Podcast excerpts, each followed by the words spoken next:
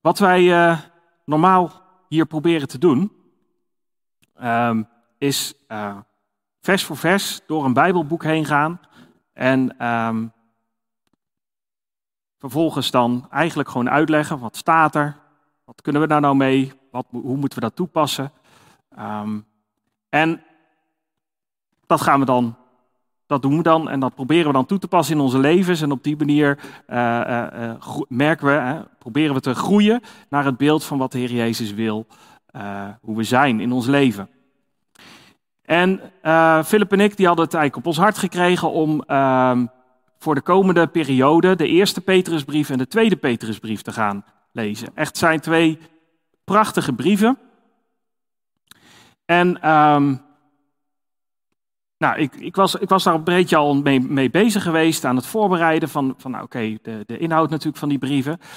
En um, toen liep ik eigenlijk tegenaan dat ik dacht van, ja maar wacht even, um, we hebben zo'n mooie achtergrondinformatie in de Bijbel over wie Petrus eigenlijk is, um, die de brief schreef.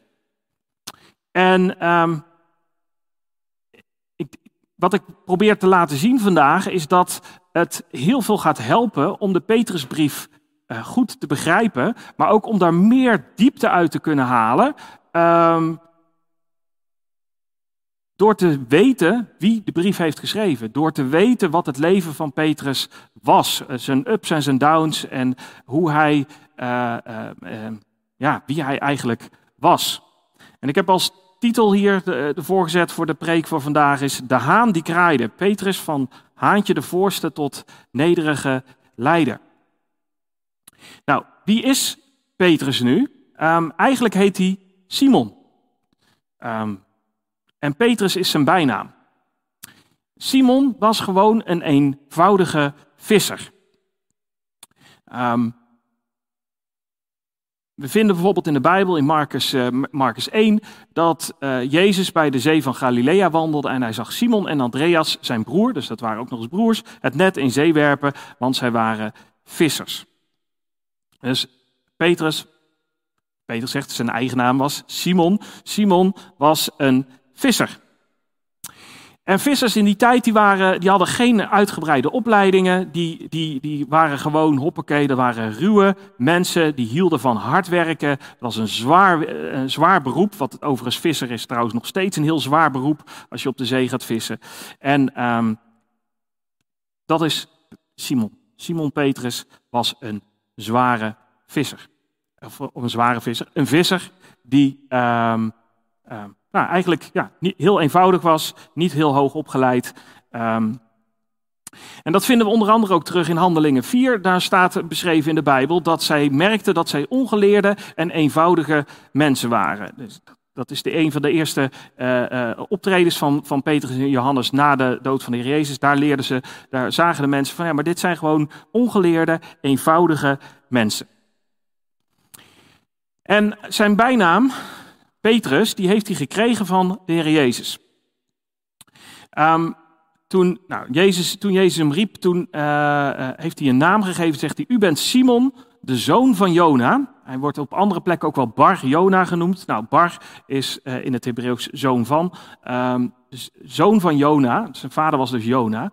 U zult Kefas genoemd worden, wat vertaald wordt met Petrus. Nou, dit is dus allemaal, uh, Kefas is uh, Aramees, want in de tijd van de Jezus spraken ze Aramees. En Kefas betekent rots. Dus hij kreeg als bijnaam van Jezus zelf, kreeg hij de bijnaam rots. Nou, dat is nogal wat, als je dat krijgt als bijnaam. En in het Grieks is Kefas, oftewel rots, in het Grieks is rots Petrus. Nou, um, dus Simon was een eenvoudige visser. Jezus koos hem als eerste uh, uit van de uh, discipelen. En nou, die kreeg dus als bijnaam Petrus. Waarschijnlijk was Petrus getrouwd. Um, ik zal hem nu uh, eigenlijk voortaan elke keer Petrus noemen. Dat zie je trouwens in de Bijbel ook terugkomen. Uh, hij wordt de hele tijd eigenlijk overal Petrus genoemd of Simon Petrus. Maar de Heer Jezus spreekt hem structureel eigenlijk aan voortdurend met zijn naam Simon. Um, In Matthäus 8 zien we, Jezus kwam in het huis van Petrus en zag zijn schoonmoeder met koorts op bed liggen. Nou, dit zijn nou typisch van die voorbeelden waar je denkt van oké, je haalt er iets uit. Uh, je ziet, Petrus had een schoonmoeder. Ze weten nog niet zo precies, hier weet je nog niet van, ja, is, uh, uh, leeft zijn vrouw nog? Hè? Want zijn vrouw zou eventueel kunnen overleden kunnen zijn. Zou je misschien ook nog kunnen praten over schoonmoeder. Um, maar in de Korinthebrief zien we Paulus schrijven en die zegt van hebben wij niet het recht om een zuster als vrouw mee te nemen, zoals ook de andere apostelen, de broers van de heren en Kefas, terwijl Petrus. Dus Petrus nam uh, zijn vrouw mee ook op uh, reis als die ergens heen ging. In ieder geval, dat kunnen we daaruit afleiden. Um, en wat ik net ook al zei, is, is, is uh, hij werd eigenlijk als eerste uitgekozen. Um, dat zien we ook in Matthäus nog even expliciet benoemd worden. De namen nu van de twaalf apostelen zijn deze. De eerste, Simon, die Petrus genoemd werd, en Andreas zijn broer, broer Jacobus, de zoon van Zebedeus, en Johannes zijn broer. Um, dat waren ook ja, eigenlijk al vrienden van uh, Petrus. Um,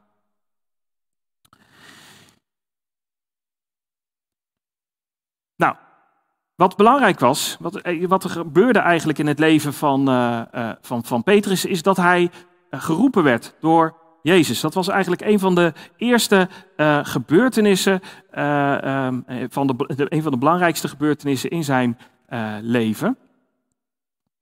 En um, dan zien, we, dan zien we dit in de Bijbel. Toen hij bij de zee van Galilea wandelde, zag Jezus Simon en Andreas, zijn broer, het net in de zee werpen, want zij waren vissers. En Jezus zei tegen hen, kom achter mij aan en ik zal maken dat u vissers van mensen wordt. En zij lieten meteen hun netten achter en volgden hem. Dat is Petrus. Petrus die uh, is onder de indruk van uh, uh, ook een wonder wat Jezus uh, daarnet had uh, gedaan. Dat staat hier niet beschreven, wel in andere evangeliën. En um, die, die, die, die, die, Jezus roept hem en hij gaat hem achterna. Dat zien we ook nog weer in Lucas uh, terugkomen van dat Petrus zelf ook zegt: zie, we hebben alles verlaten en zijn u gevolgd. Jezus, Petrus liet op dat moment echt alles achter, zijn boot, zijn, zijn netten en alles. En hij ging gewoon Jezus achterna. En um, nou, dat, dat zien we een beetje terugkomen. Simon, Jacobus en Johannes, uh, dat is een, eigenlijk een, een clubje die je, die je vaker in de Bijbel uh, terug ziet komen in verhalen. Jezus had ergens uh, had twaalf discipelen om zich heen, hè, dat noemde hij ook wel de apostelen. En um, binnen die apostelen had hij eigenlijk een groepje van drie mensen die hij heel vaak eigenlijk nog eens apart nam. Dat waren Petrus, Jacobus en Johannes. Nou, wat is het verder? Wat, heeft hij, wat, wat, is, wat is eigenlijk, hoe kan je zijn leven een beetje samenvatten? Hij is ruim drie jaar met Jezus opgetrokken. Hij was radicaal. Uh, hij deed veel aanvallen en opstaan. Het was een man op de voorgrond. Zowel tijdens het leven van Jezus, ook daarna. Belangrijk, maar wel op een andere manier. Waarschijnlijk de ooggetuige waarop Marcus zijn evangelie heeft gebaseerd. En hij is uiteindelijk een martelaarsdood gestorven. Um, eigenlijk wat, wat, wat, ik eigenlijk vandaag een beetje wil, wil, uh, wil doen, is um, stukjes van zijn leven laten zien. Kleine, kleine uh, uh, ja, details waarin we eigenlijk ineens een, een, een, een stukje, een film eigenlijk van zijn leven te zien krijgen in de Bijbel. Waardoor we een beetje kunnen begrijpen wie, wie was die nou, hoe gedroeg hij zich nou eigenlijk, uh, wat was zijn karakter, hoe, hoe zouden we hem kunnen kennen als hij hier in de gemeente eigenlijk zou rondlopen. En um, ik denk dat, dat, dat uh, er eigenlijk drie, um, ja, drie woorden eigenlijk wel uh, zijn die, die, die je op hem kunt uh, plakken. Zeg maar stempel die je op hem kunt plakken. Hij was uitgesproken, hij was radicaal en hij was enthousiast.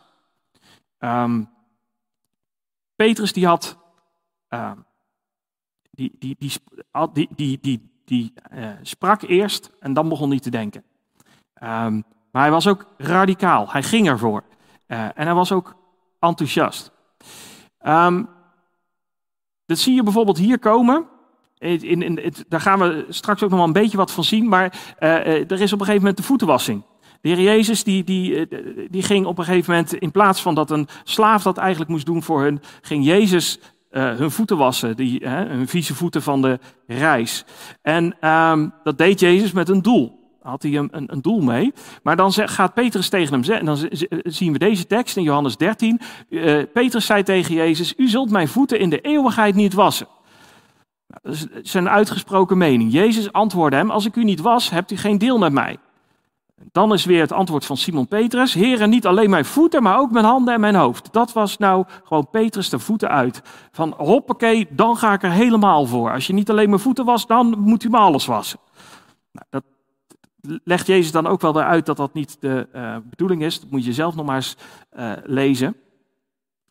Um, maar ik probeer even te focussen op, op, op dit soort uh, ja, uitspraken van Petrus die we tegenkomen. Um, er is op een gegeven moment een moeilijk moment dat een heleboel, uh, heleboel discipelen bij Jezus weglopen. Een heleboel volgelingen die lopen weg, want het woord van Jezus is hard. Het woord van Jezus is behoorlijk zwaar. En uh, dan zegt Jezus de, tegen de twaalf apostelen, wilt u ook niet weggaan? En dan zegt Simon Petrus, heren, naar wie zullen wij gaan? U hebt woorden van eeuwig leven.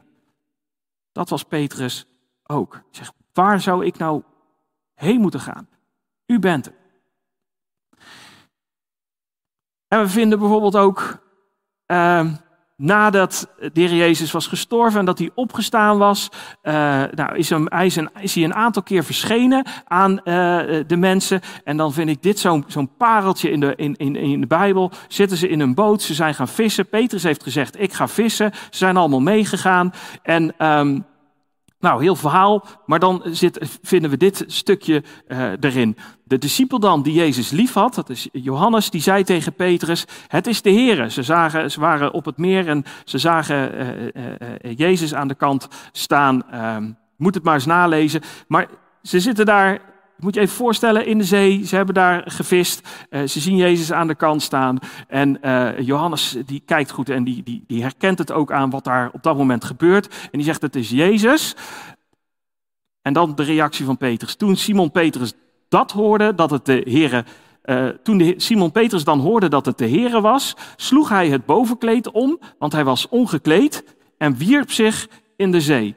En de andere discipelen kwamen met het scheepje, want ze waren niet ver, slechts ongeveer 211 van het land verwijderd en sleepten het net met de vissen.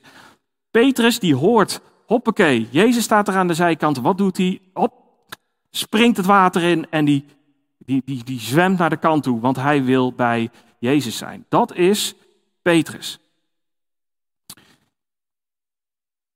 Maar je kunt hem ook wel beschrijven als haantje de voorste, of altijd vooraan, of de woordvoerder. Hij is altijd wel ergens bij uh, betrokken.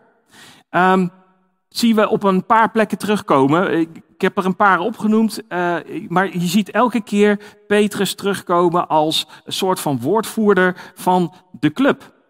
Heel vaak als er gesprekken zijn met de discipelen, of Petrus stelt een vraag, of Petrus antwoordt iets, of uh, nou, hij wordt zelfs ook, en dat zien we op een gegeven moment ook terugkomen, uh, ja, eigenlijk dat, dat, dat hij door mensen van buitenaf ook erkend wordt als woordvoerder. Want um, dan is er op een gegeven moment uh, uh, een groepje mensen, belastinginners, en die gaan uh, naar het groepje van Jezus toe. En dan vragen ze aan Petrus, zeiden, vroegen ze, betaalt uw meester de twee drachmen niet, een bepaalde belasting? Gaan ze hem vragen. In plaats van iemand van de anderen vragen ze dat dus aan Petrus. Dus Petrus was een beetje de woordvoerder van het clubje. Maar je ziet ook bijvoorbeeld dat Petrus uh, uh, dat, dat op een gegeven moment na de opstanding van de Heer Jezus, uh, dat de vrouwen op een gegeven moment komen vertellen, ja, het graf is leeg. En nou, de discipelen weten eerst helemaal niet wat ze ermee aan moeten. En dan staat er in hun woorden leek hun kletspraat en ze geloofden hen niet. Maar Petrus stond op en snelde naar het graf. Petrus rent toch naar het graf en toen hij zich vooroverboog, zag hij alleen de linnen doeken liggen. Dus Petrus ging erop uit om uh, uh, dat, dat was Petrus. En eigenlijk wat we zien is dat het, eh, het leven van Petrus een, een, een leven met vallen en opstaan is, terwijl hij volhoudt tot het einde. En ik denk dat dat een hele belangrijke is om te beseffen. Uh, eigenlijk is de les die we kunnen leren uit het leven van, van, van Petrus is dat we allemaal fouten maken. Um, we hebben allemaal sterke en zwakke punten die beide ons kunnen laten struikelen. Want een aantal van die eigenschappen van Petrus, dat was zowel zijn sterke, hè, dat was een sterk punt of een zwak punt, maar, maar zowel je sterke punt als je zwakke punten kunnen je laten struikelen. Maar laten we ons veranderen door God. Leren we van onze fouten. Laten we ons vormen door zijn woord en de Heilige Geest. En um, Petrus, die deed dat uh, wel.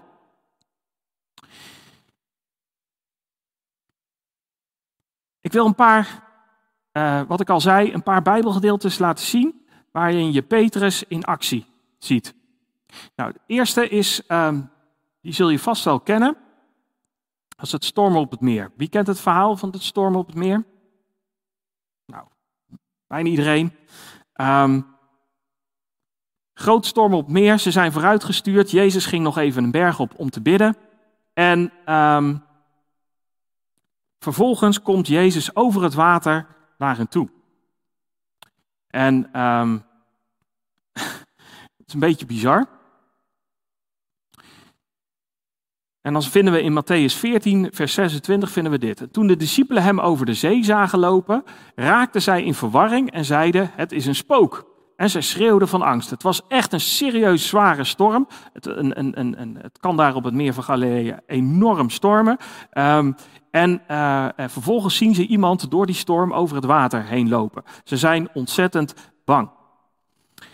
Maar meteen sprak Jezus hen aan en zei: Heb goede moed, ik ben het, wees niet bevreesd. Dus hij maakt zichzelf bekend: Ik ben Jezus, wees niet bang. En dan het antwoord van Petrus. Hè?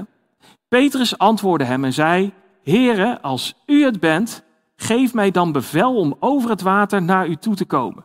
Zou dat in jouw hoofd opkomen? Om dat aan Jezus op dat moment te vragen. Midden in een storm, de boot slaat misschien bijna om. Je ziet daar, Peter, je ziet daar Jezus lopen. Jezus zegt, ik ben het.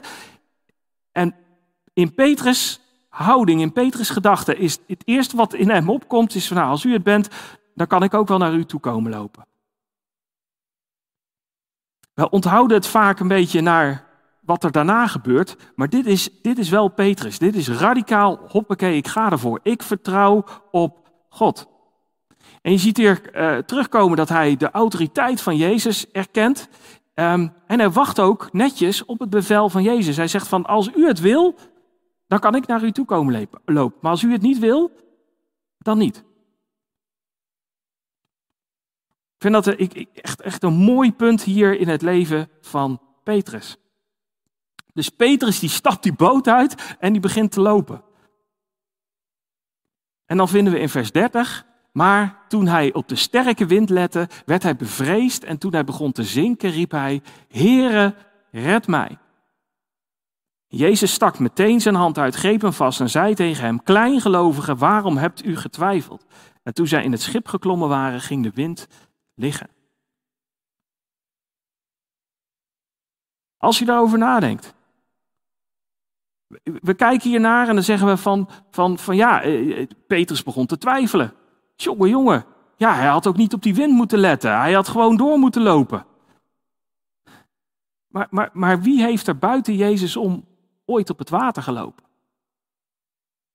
Het is alleen Petrus geweest. We moeten echt beseffen, dit was, dit was Petrus de voeten uit. Petrus die gewoon het water op, op, opstapte. Um, uh, in groot geloof, vertrouwend op Jezus. Maar dit is ook Petrus. Toen hij op de sterke wind lette, werd hij bevreesd. Maar wat hij ook deed, was een hele belangrijke. Toen hij begon te zinken, riep hij, Heere, red mij. Petrus heeft hier iets heel belangrijks geleerd in deze uh, situatie. Hij heeft geleerd dat je je oog op Jezus gericht moet houden, niet op de omstandigheden. Het ging mis toen hij naar de storm ging kijken. Het ging mis toen hij naar de, de omstandigheden ging kijken. Toen begon hij te zinken. Maar hij heeft ook geleerd, Ook als je faalt, roep het uit. Jezus is dichtbij. Jezus pakt zijn hand vast. Eh, Jezus stond al klaar om hem te redden. En dat zien we dus onder andere terugkomen in de eerste Petrusbrief. Ik zal een aantal dingen uh, noemen en dan zal ik ook de, de, een vers erbij noemen die ik denk dat dat in de eerste Petrusbrief, uh, dat toen Petrus dit, dit schreef, dat hij uh, daar waarschijnlijk aan teruggedacht heeft. Of dat het in ieder geval iets is wat, wat je in, dit, in deze geschiedenis ziet terugkomen. In de eerste Petrusbrief, en dan zullen we als we door de Petrusbrief heen staan, zullen we misschien ook nog wel eens een keertje terugkijken op zijn leven. Dat kunnen we ook nog doen. Um, maar ik dacht het is even goed om dit even te noemen. In de eerste Petrusbrief in hoofdstuk 3, vers 14 en 15 zegt Petrus dit: Wees niet bevreesd zoals zij, de ongelovigen, bevreesd zijn. Laat u niet in verwarring brengen, maar heilig God de Heere in uw hart. Dit is een opdracht van God aan ons door Petrus heen. Wees niet bevreesd zoals zij bevreesd zijn. Als er nu in de hele wereld een gigantische coronacrisis is, vinden we hier een opdracht van Petrus, van God door Petrus heen. Wees niet bevreesd zoals zij bevreesd zijn. Laat u niet in verwarring brengen, maar heilig God de Heere in uw hart. Hij heeft geleerd dat hij niet bang moet zijn. Dat als hij, als hij op het pad van, van, van, van de Heere wandelt, op de, op, op de weg die, die God hem geroepen heeft, dan is hij veilig. En in 1 Petrus 5, vers 7 zegt uh, Petrus dit: Werp al uw zorgen op Hem, want Hij zorgt voor u. Breng al je zorgen maar bij Hem. Dat zie ik me voor me als, als, als, als, alsof je een rugzakje vol met zorgen bij je hebt. En dat, dat we de opdracht krijgen van God: werp al je zorgen op Hem, want Hij zorgt voor u. En Petrus heeft dat uit eigen hand meegemaakt maakt. In eigen, in, hij heeft dat zelf meegemaakt. Hij zorgt voor u. Petrus heeft ook um, de verheerlijking op de berg meegemaakt. Um, Jezus die, die nam Petrus, Jacobus en Johannes, die nam die mee, dus die drie pakte die, nam die mee, nam die uh, bovenop een hoge berg. En dan staat er, en hij werd voor hun ogen van gedaante veranderd. Zijn gezicht straalde als de zon en zijn kleren werden wit als het licht. Jezus veranderde totaal. Ineens werd duidelijk wie Jezus nou werkelijk was. En dan staat er, en zie aan hen verschenen Mozes en Elia die met hem spraken.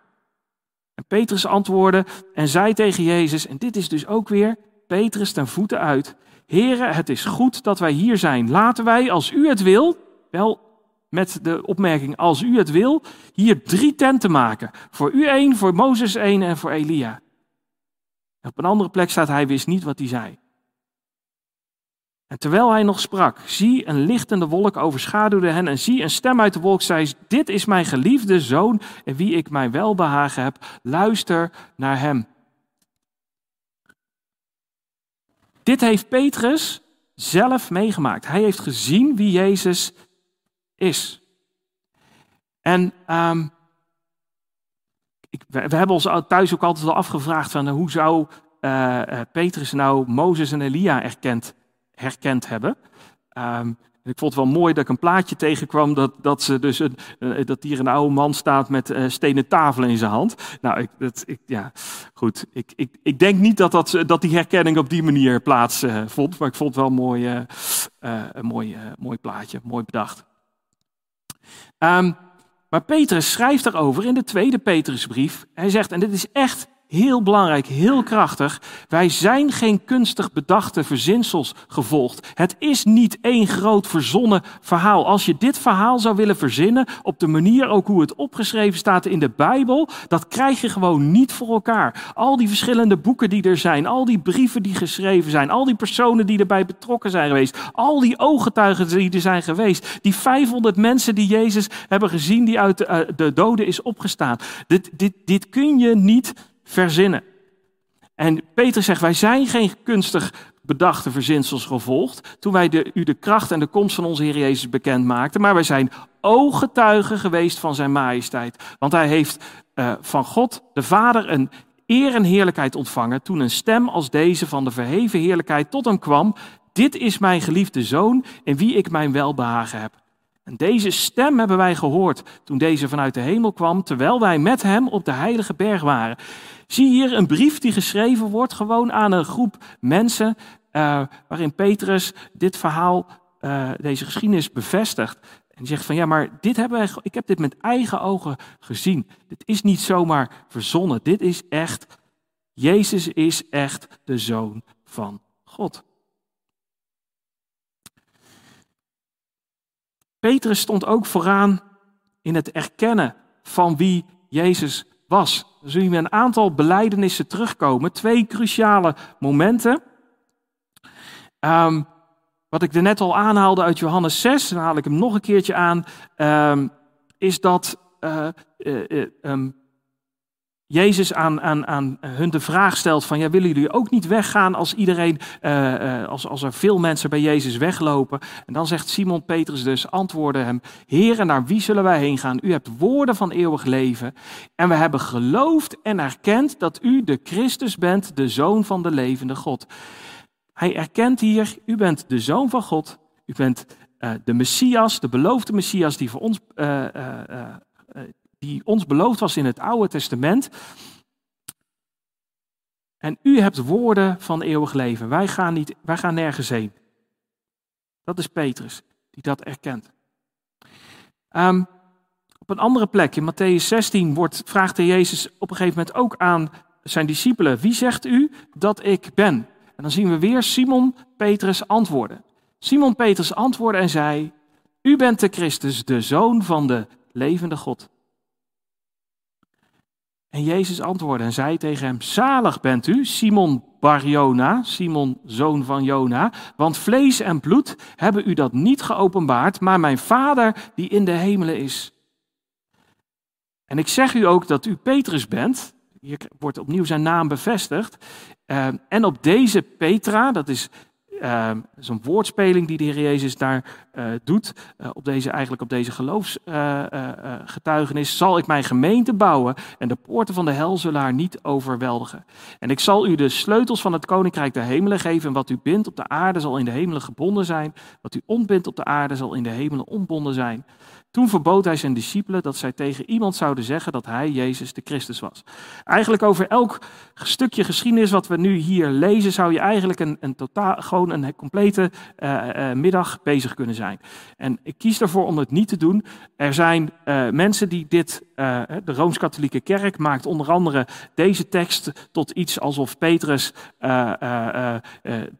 alsof Jezus hier de eerste paus aanstelt. is, is niet het geval. We hebben daar als eerder ook een preek over gegeven wat, wat hier nou wel mee bedoeld wordt. Um, Um, en misschien kunnen we ook komende donderdag daar ook nog eens even wat meer bij stilstaan. Bij de verschillende dingen waar we nu eventjes overheen gaan. Um, maar een hele belangrijke stap wat hier is, is Jezus vraagt dan wie, wie, wie ben ik? En hij erkent, u bent de Christus, de Zoon van de levende God. Maar als je dit verhaal doorleest, gebeurt er iets uh, bizars. Dus, dus eh, God maakt daar, Jezus maakt hier duidelijk dat, dat, dat God de Vader dit aan Petrus heeft geopenbaard. Maar gewoon letterlijk één vers verder zien we Petrus het beter weten dan Jezus. Van toen aan begon Jezus zijn discipelen te laten zien dat hij naar Jeruzalem moest gaan en veel zou moeten lijden van de kant van de oudsten en de overpriesters en de schriftgeleerden, dat hij gedood zou worden en op de derde dag zou worden opgewekt. Dus Jezus maakte, heeft aan zijn discipelen uitgebreid uitgelegd van tevoren, ik ga moeten lijden, ik zal, zal moeten sterven uh, en ik zal opstaan uit de doden. Uh, en dan zien we Petrus. Petrus nam Jezus apart en begon hem te bestraffen. Hij zei, God zij u genadig, heren, dit zal beslist niet met u gebeuren. Petrus weet het beter dan Jezus. Welke bedoelingen hier hij hier ook aan had, welke goede bedoelingen er misschien ook aan vastzaten. Petrus die beseft gewoon niet, hij heeft net gezegd, u bent, je, u bent de Christus, de Messias, de Zoon van de levende God. En, en, en, en zeg maar bijna een, een, een paar tellen later um, wijst hij even de zoon van God terecht. Jezus keert zich om en zei tegen Petrus: Ga weg achter mij, Satan. U bent een struikelblok voor mij, want u bedenkt niet de dingen van God, maar die van de mensen. Hij maakt duidelijk van, van, van Petrus, jij, jij zit niet op de juiste manier te denken. Jij zit nu vanuit je vlees te denken. Dit is, dit is niet oké. En je bent op deze manier een struikelblok voor mij. Dus hè, wat, het, het, het, uh, de Heer Jezus die heeft ook moeite gehad met het feit dat hij moest gaan lijden. In het hof van Gethsemane uh, zien we hem op een gegeven moment gewoon worstelen met het feit dat hij moest gaan lijden. En het, het verhaal wat we net ook lazen over de, eh, de voetenwassing. Um, ook daar zagen we dus dat Jezus, dat, dat Petrus Jezus terechtwijst. Um, zo kwam hij bij Simon Petrus, terwijl hij het voeten wassen, en die zei tegen hem, Heere, wilt u mij de voeten wassen? En dan zegt Jezus, ant, uh, Jezus antwoordde en zei tegen hem, wat ik doe weet u nu niet, maar u zult het later inzien. Dus hij maakt duidelijk aan Petrus, nee Petrus, jij ziet het nu niet, je snapt het nu niet, maar vertrouw me maar. Maar Petrus, die zei tegen hem, u zult mijn voeten in de eeuwigheid niet wassen. Dat hij vol tegen Jezus in. Dan zegt Jezus, als ik u niet was, hebt u geen deel met mij. Nou, dan reageert een bind Petrus in en zegt hij, nou heren, niet alleen mijn voeten, maar ook mijn, honden, maar ook mijn handen en mijn hoofd. En Jezus zei tegen hem, wie gebaat heeft, heeft slechts nodig dat zijn voeten worden gewassen, want hij is al geheel rein. En u bent rein, maar niet alle. Ook hier hebben we ooit, eh, toen we door de Johannesbrief heen gaan, uitgebreid bij uh, stilgestaan. Maar ik denk dat dit een belangrijk puntje is over het leven van Petrus. Uh, Petrus wist het beter dan Jezus. Um, er zat iets echt mis in het leven van Petrus. Dat zien we ook terugkomen in de, als de Heer Jezus aankondigt, opnieuw wat er allemaal ging, gaan, ging gebeuren. Dat de Heer Jezus zal gaan leiden. Maar de Heer Jezus eh, kondigt ook aan van, ja maar jongens, jullie zullen allemaal wegvluchten. Jullie zullen mij uh, achterlaten uh, en ik zal alleen eigenlijk sterven aan het kruis. Toen zei Jezus tegen hen, u zult in deze nacht allen aanstoot aan mij nemen, want er is geschreven, ik zal de herders slaan en de schapen van de kudde zullen uiteengedreven worden. Maar nadat ik opgewekt zal zijn, zal ik u voorgaan naar Galilea. Dan komt Petrus. Maar Petrus antwoordde hem en zei: Al zouden zij ook al een aanstoot aan u nemen, ik zal nooit aanstoot aan u nemen. En Jezus zei tegen hem: Voorwaar, ik zeg u dat in deze nacht, voordat de haan gekraaid zal hebben, u mij driemaal zult verloochenen. En Jezus zei tegen hem: Al moest ik ook met u sterven, ik zal u beslist niet verloochenen. En dan zie je ook de, de andere discipelen hetzelfde zeggen. Al zouden zij aanstoot nemen, ik zal nooit aanstoot nemen. Hoogmoed. Volgens mij zat er iets heel erg in de weg bij Petrus. Hoogmoed. Hij haalde het in zijn hoofd om het beter te weten dan Jezus. Hij haalde het in zijn hoofd om Jezus te corrigeren. En hij keek naar die andere discipelen en hij zei allemaal van, nou oké, zij volgen, uh, uh, uh, als, als Jezus vervolgens een profetie doet en zegt van, ja, jullie zullen me allemaal verlaten, in plaats van dat hij beseft, ja, maar het is Jezus die dat zegt, wat moet ik daarmee, Heer Jezus? Ik vind het vreselijk dat ik dit hoor, Hoe, hoezo gaat dit gebeuren? In plaats van daarvan denkt hij, nee, echt niet, ik niet, dat overkomt mij niet. Ja, die andere misschien, die, die andere, die andere, niet ik, ik niet. En dat is een, denk ik volgens mij, een, een hoogmoed is een zonde. Wat ontzettend vervelende zonde is. Het is een zonde die het langst voor jezelf verborgen blijft. Woede-uitbarstingen, uh, hoererij, overspel, allemaal dat soort dingen zijn allemaal uh, zonden die we aan de buitenkant kunnen zien. En, kunnen we, uh, en, en, dan ja, weten we, dat zien we ook van onszelf. We hebben, zijn net in woede uitgebarsten. Nou, dat was niet de bedoeling. Nou, oké, dat, dat, dat zie je bij jezelf. Maar hoogmoed is zo'n zonde die, die eigenlijk zichzelf weet te verstoppen voor jezelf.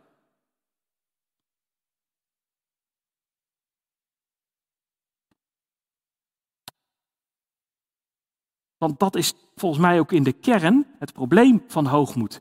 Ik ben beter dan de rest. Ik, uh, uh, dit overkomt mij niet. Ik ben de maatstaf. Een stukje zelfingenomenheid. Van nou moet je mij nou eens even zien. Bijvoorbeeld, dit is ook zo'n zinnetje waarin hoogmoed zit. Als ik dat zou mogen doen, dan zou ik het beter aanpakken. Zet mij maar even in. Ik los dat probleem wel even op. hey, luister nou even naar mij. Laat mij je nou even vertellen wat je moet doen. hey, als ik bij dat gesprek met die persoon was geweest, dan waren we er vast samen uitgekomen. Ja, weet je, uh, als ik dat kind moest opvoeden, dat daar nu op de grond ligt te huilen, nee, dan zou hij dat niet doen. Hey, Petrus, ja, die struikelde wel, maar, maar ik zou bereid zijn geweest om mijn leven te geven. Dat weet ik zeker. Weet je, er is al een paar eeuwen discussie tussen de Rooms-Katholieke Kerk en de protestanten, maar ik onderzoek het wel even. Ik kom daar wel uit. Gelukkig ben ik niet als die ander. die ander? Heb je die gezien, wat die nou allemaal gedaan heeft laatst? Ja, God zegt wel dit. Maar ik doe toch dit. Dit voelt beter. Ik, ik, ik, ik. Jijzelf als maatstaf.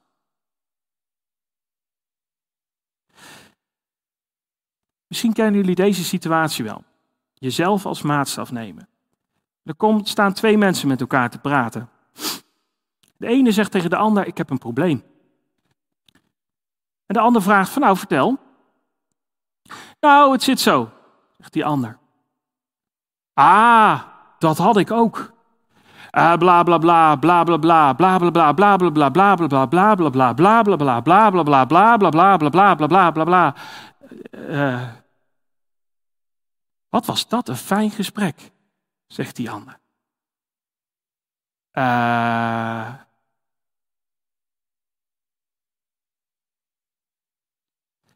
jij kent vast wel van die mensen hè, die dat doen.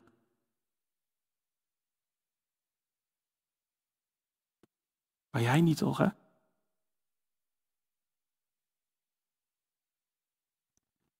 In 1 Korinthe 10, vers 12 worden we voor gewaarschuwd. Daarom, wie denkt te staan, laat hij oppassen dat hij niet valt. Ik denk dat hoogmoed een zonde is waar we allemaal last van hebben.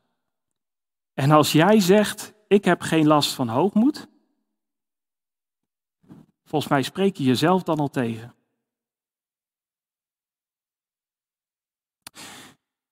Maar er is een oplossing. Als we kijken naar het gedeelte in Matthäus 16, dan zegt Jezus tegen uh, uh, Petrus van, u bedenkt niet de dingen van God, maar die van mensen. Dus hij, hij, hij dacht niet op de goede manier.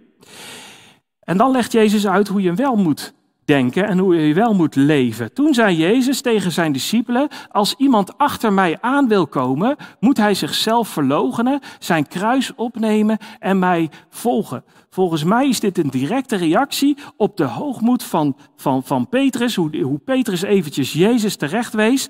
En, en, en Jezus maakt duidelijk: nee, op deze manier gaat het niet lukken. Als jij mij wil volgen, dan moet je jezelf verloochenen, oftewel zeggen we ja, ik doe er niet meer toe. Ik tel, ik tel niet meer. Je kruis opnemen, dat was, was iets wat, wat bekend was dan. Als jij je kruis moest opnemen, dan, dan liep jij, dan was je eigenlijk al dood. Want je ging gekruisigd worden. Dus jezelf als dood rekenen. En dan Jezus achterna. Dan zegt hij, want wie zijn leven zal willen behouden, die zal het verliezen. Maar wie zijn leven zal verliezen om mij, die zal het vinden. Dat is jezelf verlogen. Is dat je zegt van ja, ik, ik denk misschien wel mijn eigen leven onder controle te uh, kunnen houden. Ik, ik, ik denk misschien heel hoogmoedig, ik weet het allemaal wel beter dan de rest.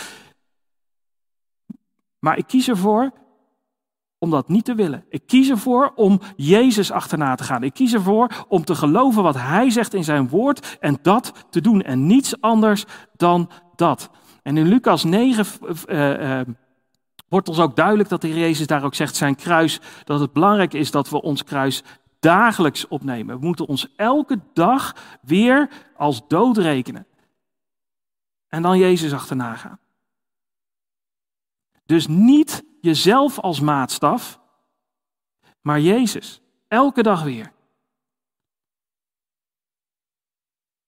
Zo hardnekkig is hoogmoed ook als zonde. Zo hardnekkig vinden wij onszelf zo ontzettend goed.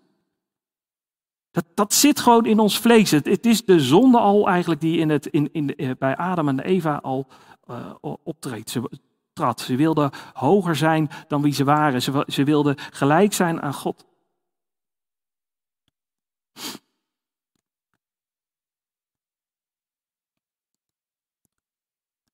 Nou, Jezus zat daarnet, hè, hebben we net gezien dat Jezus voorspeld had dat iedereen hem zou gaan verlogenen.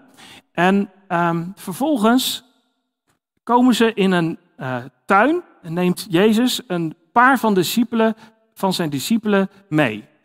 Opnieuw Petrus en Jacobus en Johannes, die mogen mee met Jezus. Uh, in, de, in, het, in, het uur, in, de laatste momenten, voordat Jezus gekruisigd zou gaan worden, uh, uh, nam hij ze mee naar een tuin en daar ging hij bidden. Hij had het zo zwaar. Het, in, in, op dat moment was Jezus zelfs, op een gegeven moment lezen we dat hij het zo zwaar had dat hij, dat hij bloed zweette. Um, en Jezus nam Petrus en de twee zonen van Zebedeus met zich mee en begon bedroefd en zeer angstig te worden. Toen zei hij tegen hen: Mijn ziel is zeer bedroefd tot de dood toe. Blijf hier en waak met mij. Dat vraagt hij aan hun.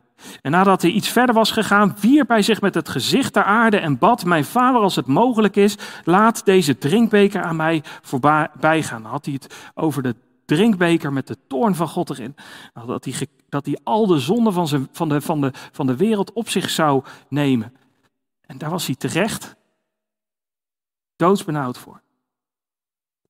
Maar niet zoals ik wil, zegt Jezus, maar zoals u wil. En dan komt hij bij de discipelen en trof hen slapend aan. En hij zei tegen Petrus, zie je, opnieuw spreekt hij Petrus aan. Kon u dan niet één uur met mij waken? Waak en bid opdat u niet in verzoeking komt. De geest is wel gewillig, maar het vlees is zwak. Volgens mij is dit nog even een, een hint naar Petrus. Petrus, let nou op. Waak en bid opdat je niet in verzoeking komt. De geest is wel gewillig, maar het vlees is zwak. Petrus wilde echt Jezus volgen met zijn hele hart. Hij wilde er echt voor gaan. Maar hij had een zwak vlees. Maar Petrus werd hier niet door wakker geschud.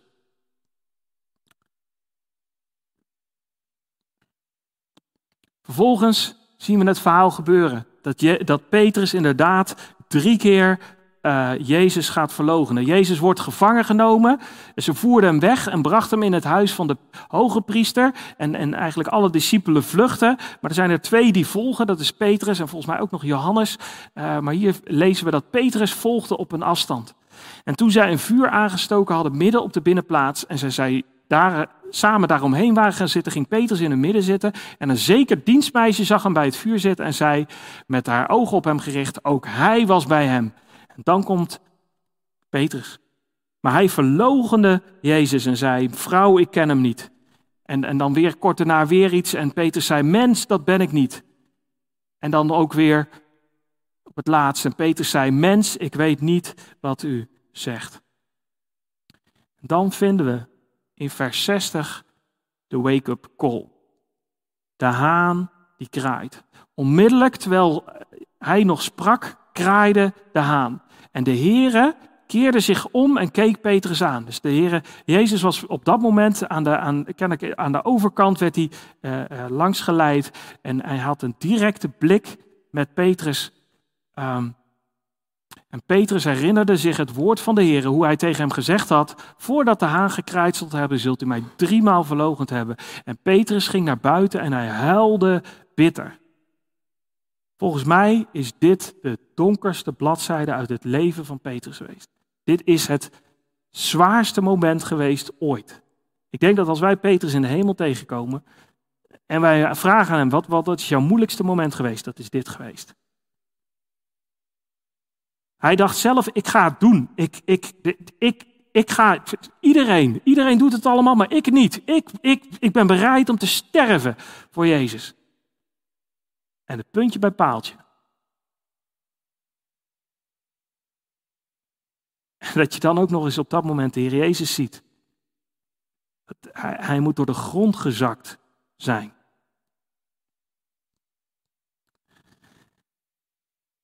Maar wat ik zo bijzonder vind aan het, aan, aan het leven van Petrus is, God liet hem niet los. God ging door. We zien dat nadat Jezus gestorven is en opgestaan is, zien we een heel klein tekstje, en ik weet niet of het je ooit is opgevallen, is dat de discipelen, uh, dit, dit, dit verhaal komt na de Emmausgangers die, die uh, dan op dat moment Jezus hebben gezien. Um, en, en die komen dan terug bij de apostelen en die, die zitten daar allemaal samen. Die zijn, ze vertellen heel enthousiast tegen die Emmausgangers, de Heer is werkelijk opgewekt en is aan Simon verschenen. En in de eerste Corinthiërsbrief vinden we ook dat, hè, vinden we Paulus beschrijven wat er gebeurd is. Dat Jezus begraven was, dat hij opgewekt is op de derde dag, overeenkomstig de schriften. En dat hij verschenen is aan Petrus en daarna aan de twaalf. Dit zijn van die pareltjes die in de Bijbel staan, waarvan je weet, we weten helemaal niks over wat daar gebeurd is. Maar wat, wat ik wat ik bijna heilig van overtuigd ben, is dat daar, dat Jezus dit speciaal gedaan heeft voor Petrus, om Petrus te bemoedigen. Petrus die, die was er helemaal doorheen. Die zat op het laagste punt. Die, dacht, die, die, die, die, die moet gedacht hebben van, het is over voor mij. Ben ik, ik, ik bedoel, ik heb Jezus verlogend. Ik heb hem gewoon actief, drie keer heb ik gezegd, ik, ik ken hem niet. Wat komt er nou nog van mij terecht? En dan Jezus, die persoonlijk aan hem verschijnt en daarna aan de rest van de apostelen. En aan het einde van, van het Johannesevangelie vinden we nog, zien we nog terugkomen dat ze op een gegeven moment een maaltijd uh, samen hebben. Um, en dan gebeurt er ook iets heel bijzonders. Dus Jezus raakt in gesprek met Simon en dan zegt hij, Simon, zoon van Jona, Hebt u mij meer lief dan deze? Ik heb hier bewust het woordje meer onderstreept. Volgens mij verwijst Jezus hier naar het afwijzen van Petrus, van Petrus die had gezegd, ja, zij misschien wel, maar ik niet. En hij vraagt nu, hebt u mij meer lief dan deze? Hij vraagt ook niet van geloof je in mij? Nee, Jezus gaat naar de kern heb je mij lief? En hij zegt tegen hem, ja heren, u weet dat ik van u houd. En dan nog een keer, Simon, zoon van Jona, hebt u mij lief? En dan zegt Petrus, ja heren, u weet dat ik van u houd. En dan de derde keer, hou je van mij? Petrus werd bedroefd omdat hij voor de derde keer tegen hem zei, houdt u van mij? En hij zei tegen hem, heren, u weet alle dingen, u weet dat ik van u houdt. Wat we hier zien gebeuren, en ook hier, hier hebben we ook uitgebreid bij stilgestaan. Um, misschien kunnen wij hier donderdag ook nog bij stilstaan. Um, wat hier nu precies gebeurt, hoe Petrus weer uh, ingesteld wordt en hoe hij weer wordt uh, uh, ja, aangespoord eigenlijk door de Heer Jezus om, om, om um, weer verder te gaan. dan krijgt hij, hij eindigt met die woorden, volg mij. Hey, en die les die Petrus heeft geleerd is volgens mij dit. God houdt je vast. In Lucas 22 had Jezus al tegen Petrus gezegd: De Heere zei: Simon, Simon, zie, de Satan heeft u alle opgeëist om te ziften als tarwe, maar ik heb voor u gebeden dat uw geloof niet ophoudt. En u, als u eens tot inkeer bent gekomen, versterk dan uw broeders. Jezus had al gezegd: Ik heb voor u gebeden dat uw geloof niet ophoudt. Petrus wist dat. Die heeft daaraan teruggedacht. En dan vinden we in de eerste Petrusbrief, zien we deze tekst. 1 Petrus 1, vers 5 tot 7. Die zegt tegen ons, u wordt immers door de kracht van God bewaakt door het geloof tot de zaligheid. Dat heeft hij geleerd. Je wordt bewaakt. Als, als Jezus jou uh, uitgekozen heeft, als, als jij een kind van God bent geworden, Als jij gelooft in Jezus, dan word je door de kracht van God bewaakt door het geloof tot zaligheid. En Petrus heeft dat zelf meegemaakt. Maar hij zegt daar vervolgens ook, daarin verheugt hij zich, ook al wordt u nu voor een korte tijd, als het nodig is, bedroefd door allerlei verzoekingen. Petrus was hier echt niet blij mee. Petrus is ontzettend bedroefd geweest. Maar hij heeft er wel van geleerd. Opdat de beproeving van uw geloof, die van grotere waarde is dan die van goud dat vergaat en dat door het vuur beproefd wordt, mag blijken te zijn tot lof en eer en heerlijkheid bij de openbaring van Jezus Christus. Dit heeft hij geleerd. Hij heeft geleerd van zijn verzoekingen. En Petrus heeft nederigheid geleerd. Dus je ziet bijvoorbeeld 1 Petrus 5 vers 1. De ouderlingen onder u roep ik ertoe op als mede-ouderling. Hij zegt niet, uh, ja, ik, ik ben de apostel en ik ga jullie even vertellen wat jullie moeten doen. Heel nederig, als mede-ouderling. Ik ben ouderling. Um, en hij roept hen dan vervolgens op. En in 1 Petrus 5 vers 5 roept hij iedereen op. Wees met nederigheid bekleed, want God keert zich tegen de hoogmoedige, maar de nederige geeft hij genade. Hij heeft uit eigen hand, heeft hij gemerkt wat het is als God zich keert tegen de hoogmoedige. God moest hem een lesje leren om te beseffen dat hij het niet op zichzelf kon. Dat hij echt Jezus nodig had. En er is nog veel meer. Hier zit toch de uitstorting van de Heilige Geest, de preek waarna 3000 mensen tot geloof komen, de geestelingen, de vervolgingen die Petrus vervolgens glansrijk doorstaat. Eh, ja, hij, hij, speelt een rol in de opening van het evangelie naar de Joden, naar de Samaritanen, naar de heidenen. Je ziet vergaderingen waarin Petrus wel een belangrijke rol speelt, maar niet domineert. Je ziet dat hij Paulus erkent en samenwerkt met Paulus. Ik heb daar wel eens over na zitten denken. Ik denk, denk Petrus, eh, zoals die uh, was toen, toen Jezus nog op aarde was, had volgens mij nooit samen kunnen werken met een Paulus. dat had gebotst. Maar na de, nadat Petrus zijn les had geleerd, ehm, zie je dat dat kan. En je ziet ook nog een stukje felbaarheid terugkomen, van dat hij toch nog weer terugvalt in huigelen. Ehm, en we zien zijn eerste en zijn tweede Petrusbrief. Er is zoveel te leren van het leven van Petrus. Maar ik denk dat als er één ding is wat we mogen onthouden, is dat ehm, we moeten beseffen dat we allemaal fouten maken. We hebben allemaal sterke en zwakke punten. Die kunnen ons allemaal laten struikelen. Maar Petrus koos ervoor om vast te houden, vast te houden aan Gods woord, vast te houden aan God zelf. Om niet op te geven. En hij leerde van zijn fouten. En hij liet zich vormen door Jezus, door zijn woord en door de Heilige Geest. Zullen we danken. Vader in de hemel, grote God, Heer, we zijn in de sneltreinvaart, Heer, door het leven van Petrus heen gegaan. En Heer, nou, nogmaals, ik dank u voor zijn voorbeeld. Ik dank u voor zijn, dat, wij, dat u zijn zwakke punten heeft laten zien, Heer, en zijn, zijn zwakheden en zijn sterke kanten. Maar Heer, het belangrijkste is, Heer, dat we gezien hebben dat Hij op U wilde bouwen. En dat toen hij dat begon te doen, Heer, dat, hij, dat U hem kon gebruiken voor, zijn koninkrijk, voor Uw koninkrijk, Heer. En Heer Jezus, we, we staan hier en we beseffen dat we niemand zijn. Maar Heer, wilt u ons alstublieft inzetten in uw koninkrijk? Wilt u ons gebruiken? Wilt u ons helpen om de zonde in ons leven te zien en die aan te pakken door de Heilige Geest heen, door te gehoorzamen naar uw woord? Ik bid u, Heer, als hier mensen zijn die hoogmoedig zijn. Heer, en volgens mij zijn we dat allemaal. In meer of mindere mate. Maar Heer, dat we het mogen zien. Wilt u ons openbaren? Wilt u ons dat openbaren in onze eigen levens? Dat we het mogen beleiden, dat we het mogen nalaten, dat we mogen gaan groeien. Dat we echt mogen gaan gaan lijken op uw Zoon, de Heer Jezus. Dat we zijn voorbeeld mogen navolgen. Heer, ik bid u zo, wilt u zo ons genadig zijn en ons helpen. Dat vraag u zo in Jezus' naam. Amen.